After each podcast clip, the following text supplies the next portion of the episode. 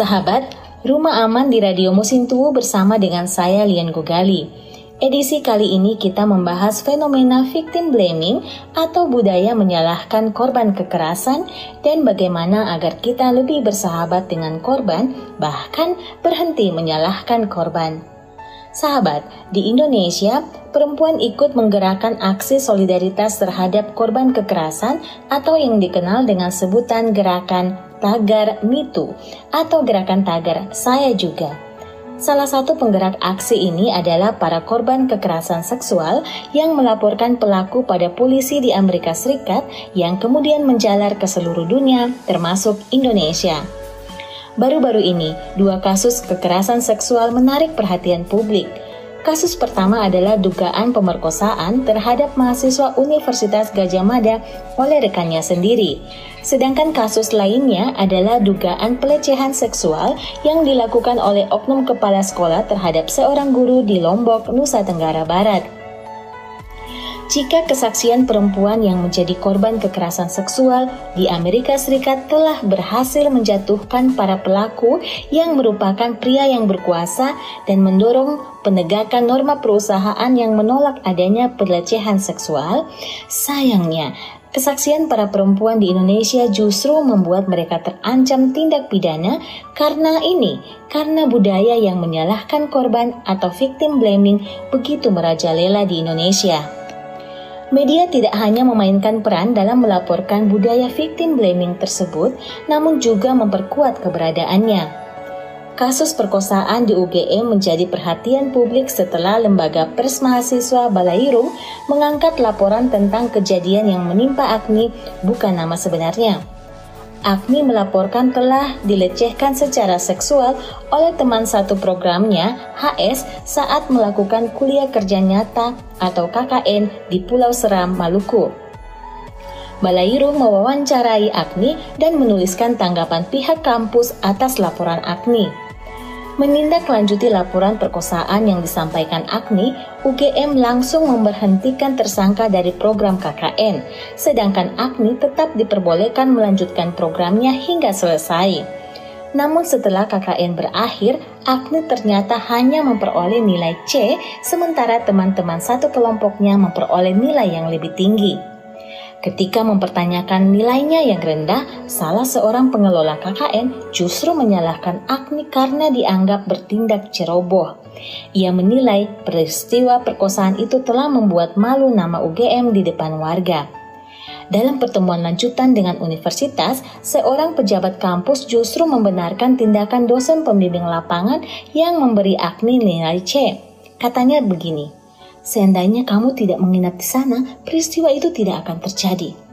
Lalu seorang dosen lain memberikan pernyataan kontroversial berikut ini. Jangan menyebut dia atau Agni korban dulu. Ibarat kucing kalau diberi ikan asin, pasti setidak-tidaknya akan dicium-cium atau dimakan.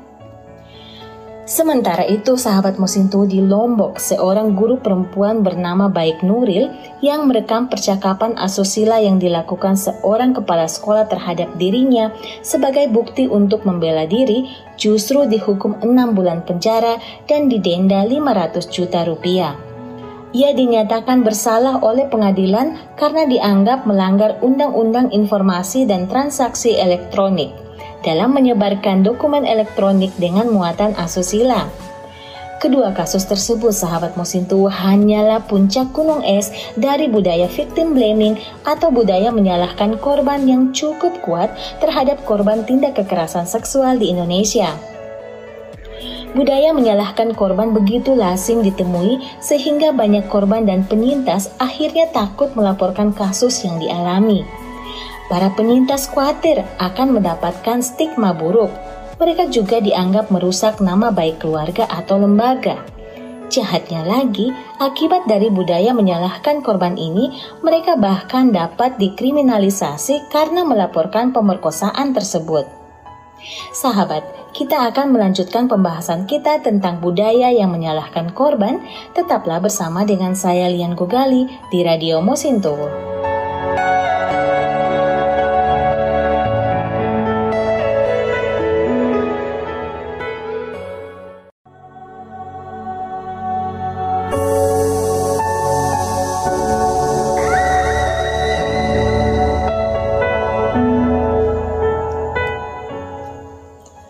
Radio Mosintowo dalam program Rumah Aman bersama saya Lian Gogali, kita masih membahas victim blaming. Sahabat, pada bagian awal kita sudah mendengarkan tentang kasus perkosaan mahasiswi di UGM. Kasus perkosaan di UGM adalah momentum yang bisa mengingatkan bahwa kita harus mendukung para penyintas. Kita juga harus memprioritaskan untuk berdiri bersama penyintas. Dukungan publik untuk baik Nuril dari Lombok juga harus memicu reformasi penegakan hukum dan peradilan untuk melindungi korban kekerasan seksual di Indonesia. Sikap menyalahkan korban dan budaya memerkosa adalah masalah yang sudah mengakar dalam masyarakat Indonesia. Untuk melawannya, kita harus selalu mendukung penyintas, tidak hanya ketika kasus tersebut menimbulkan reaksi publik, tapi setiap saat. Kita juga perlu mengubah cara pandang kita terhadap masalah pemerkosaan. Dimulai dengan menghargai jenis pakaian apa pun yang mereka kenakan. Sahabat, Ayu Sutomo, seorang psikolog, membahas bagaimana seharusnya kita bersikap ketika sahabat, orang terdekat, atau teman kita bercerita bahwa mereka mengalami pelecehan atau kekerasan seksual. Pertama, dengarkanlah korban dan berempatilah. Hal pertama yang harus dilakukan bila korban kekerasan seksual bercerita adalah mendengarkan ceritanya tanpa menyalahkan atau menghakimi. Sahabat perlu menyadari bahwa bagi seorang korban, menceritakan peristiwa kekerasan seksual yang dialami adalah hal yang tidak mudah. Mereka membutuhkan keberanian untuk menceritakan. Karena itu, saat mereka bercerita, kita harus melihatnya sebagai sebuah usaha besar yang patut kita hargai. Sudah dipastikan saat itu, korban pasti sedang dilanda kecemasan dan ketakutan Sikap menghakimi adalah hal terakhir yang mereka perlukan. Cobalah memposisikan diri sahabat mengalami hal yang mereka alami, sehingga sahabat bisa berempati. Kedua, hindari pertanyaan yang tidak sensitif. Emang pakai baju apa? Ngapain keluar malam? Sahabat, tidak perlu mengeluarkan pertanyaan seperti itu. Ingat, perkosaan adalah salah pelaku. Jangan sampai pertanyaan itu justru memberikan kesan menyalahkan korban. Yang perlu diingat kepada semua orang, apa pun bajunya, bagaimanapun gaya hidupnya, tak seorang pun perempuan di dunia ini yang layak diperkosa atau mengalami pelecehan. Oke, ini berat sekali. Aku tahu apa yang kamu rasakan. Apa yang bisa saya bantu? Mari kita jalani bersama-sama. Ini adalah contoh beberapa kalimat yang tepat untuk sahabat katakan kepada korban perkosaan yang sedang bercerita kepada sahabat. Ketiga, tawarkan bantuan. Jika dirasa korban sudah tenang, ada baiknya untuk menawarkan bantuan yang sifatnya pendampingan. Misalnya, ajak untuk visum ke dokter atau ke lembaga-lembaga yang memang memiliki kapasitas untuk membantu korban kekerasan seksual. Tapi ingat, jangan memaksa.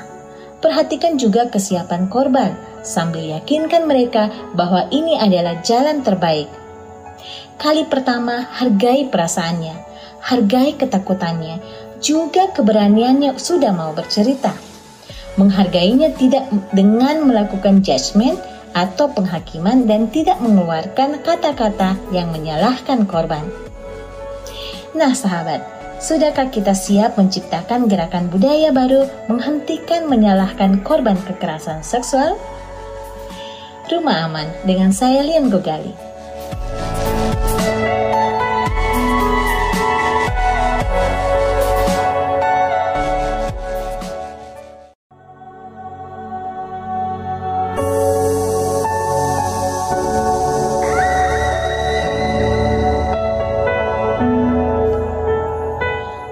Mosintowo masih bersama dengan saya Lian Gogali di Radio Mosintowo bersuara untuk perdamaian dan keadilan Poso di program khusus untuk mendapatkan informasi dan pengetahuan mencegah kekerasan dan melindungi korban.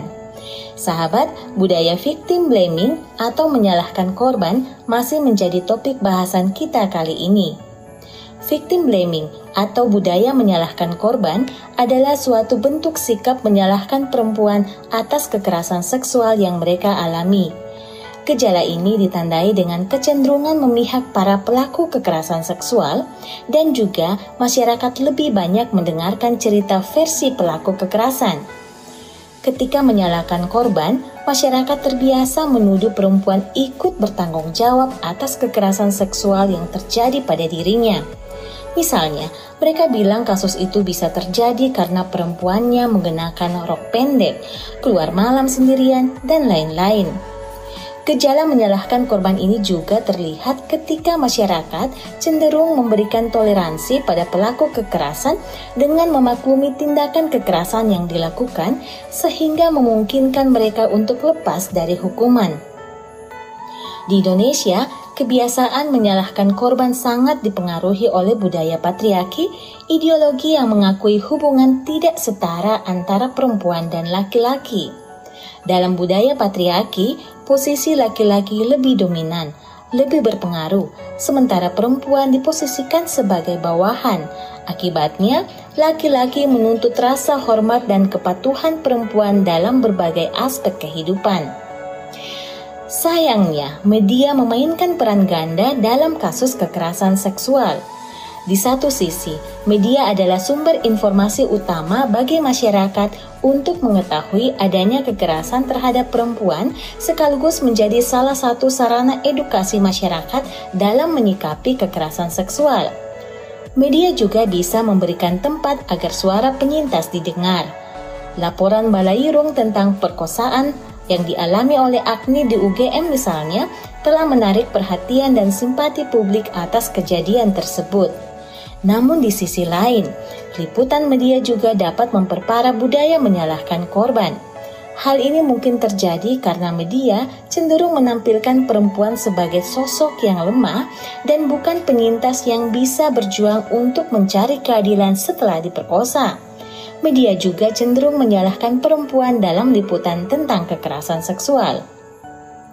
Karena itu, sahabat, mendengarkan atau membaca media yang sedang memberitakan liputan tentang kekerasan seksual, kita membutuhkan sensitivitas khusus untuk mendeteksi bias gender dalam pemerintahan sebuah penelitian tentang serangan seksual terhadap keturunan Tionghoa selama transisi politik Indonesia pada Mei 1998 oleh Susan Blackburn dari Universitas Monash Australia menyoroti peran media dalam menyebarkan sikap menyarankan atau menyalahkan korban.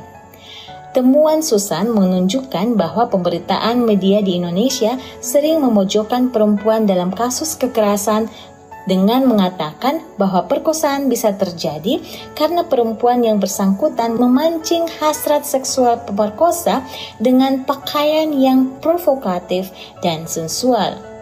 Sikap menyalahkan korban dalam masyarakat patriarki telah membuat para penyintas kekerasan seksual mengalami penderitaan ganda, diperkosa dan disalahkan ini akan menyebabkan para penyintas tidak merasa aman dalam membagikan cerita mereka kepada orang lain. Sahabat, setelah kita memahami bagaimana cara kerja kebudayaan yang menyalahkan korban, mari tetap bersama dengan saya Lian Gogali untuk membahas apa dampak buruk kebudayaan sikap yang menyalahkan korban. Tetap di rumah aman.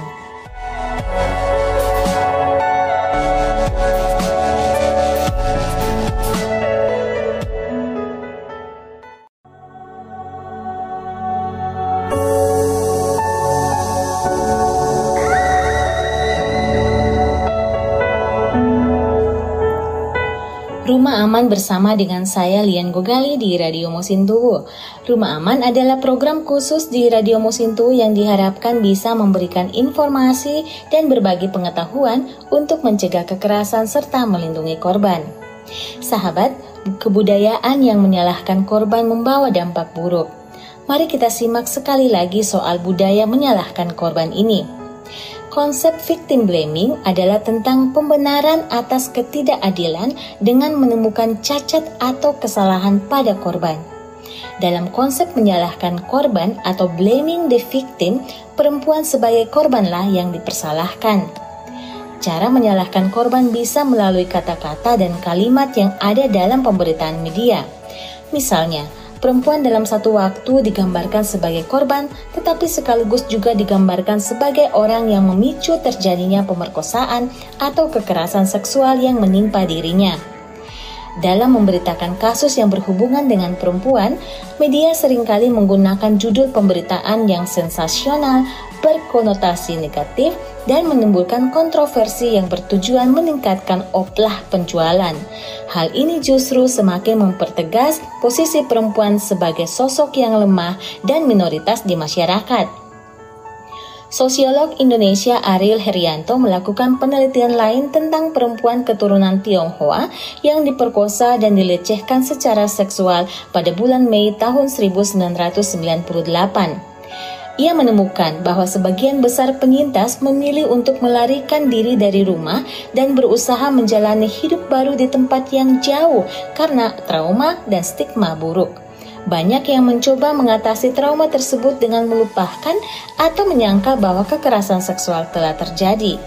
Akibatnya, kasus pemerkosaan di bulan Mei tahun 1998 masih sulit untuk ditelusuri hingga saat ini. Lingkungan masyarakat yang melanggengkan sistem patriarki juga memperkuat budaya memerkosa atau rape culture yang juga mendorong sikap menyalahkan korban. Budaya memerkosa didefinisikan sebagai lingkungan yang menoleransi perkosaan dan kekerasan seksual.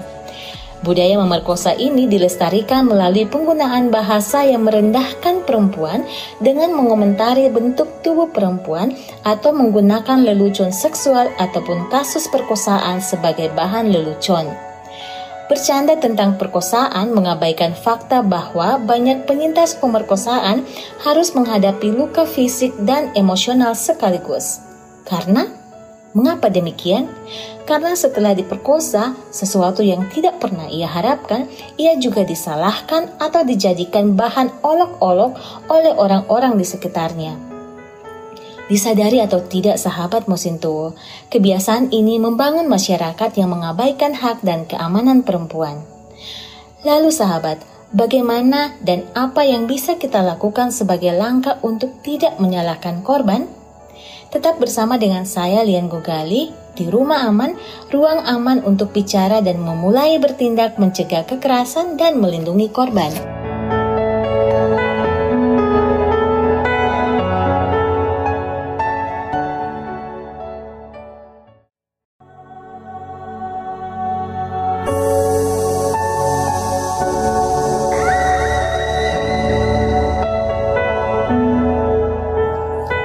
107.7 FM Radio Musintu bersuara untuk perdamaian dan keadilan Poso. Rumah Aman, program informasi dan pengetahuan bersama untuk perlindungan perempuan dan anak di Radio Musintu hadir untuk sahabat bersama dengan saya Lian Gogali. Sahabat, berbagai jenis kekerasan terjadi di sekitar kita, sangat sering dialami oleh perempuan. Sayangnya, ketika kekerasan terjadi, tidak semua orang mendukung korban Sebaliknya, banyak orang lebih menyalahkan korban daripada menyalahkan pelaku.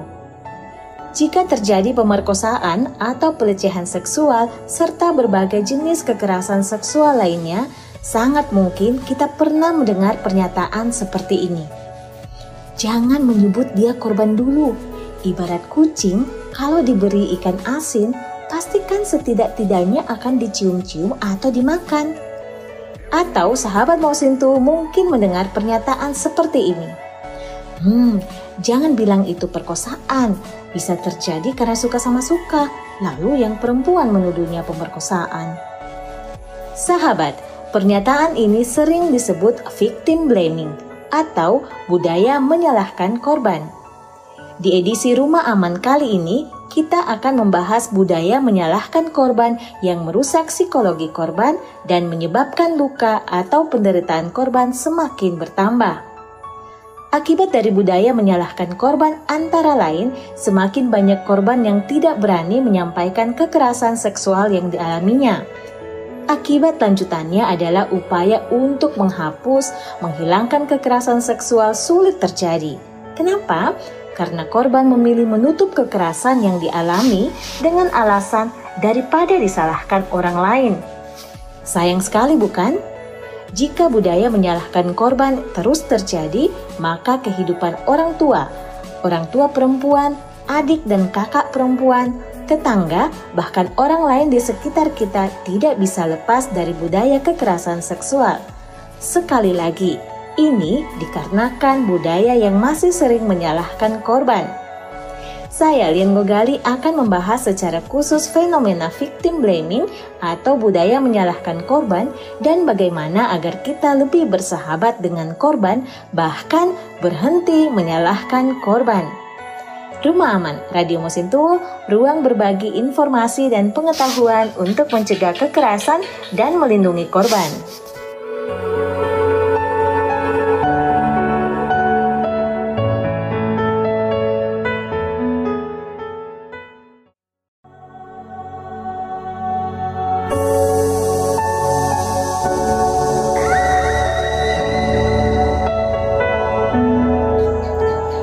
107.7 FM Radio Musintu bersuara untuk perdamaian dan keadilan Poso. Rumah aman bersama saya Lian Gogali. Sahabat Musintu, kekerasan seksual terhadap perempuan dan anak sering kali menempatkan perempuan atau korban layang salah, bukan si pelaku kekerasan. Kita sudah mendengarkan bahwa budaya sikap menyalahkan korban dan budaya memerkosa adalah masalah yang sudah mengakar dalam masyarakat Indonesia. Untuk melawannya, kita harus selalu mendukung penyintas, tidak hanya ketika kasus tersebut menimbulkan reaksi publik, tapi setiap saat. Kita juga perlu mengubah cara pandang kita terhadap masalah pemerkosaan, dimulai dengan menghargai jenis pakaian apa pun yang mereka kenakan. Mari menjadi bagian dari gerakan mencegah kekerasan terhadap perempuan dan anak, serta melindungi korban. Caranya bisa dimulai dari kita, berhentilah menyalahkan korban. Dengarkan Rumah Aman di Radio Mosintu setiap minggunya dan jadilah sahabat yang membangun gerakan ruang aman bagi setiap orang di sekitar kita. Saya Lian Bogali. Sampai jumpa dalam topik Rumah Aman lainnya. Tabea.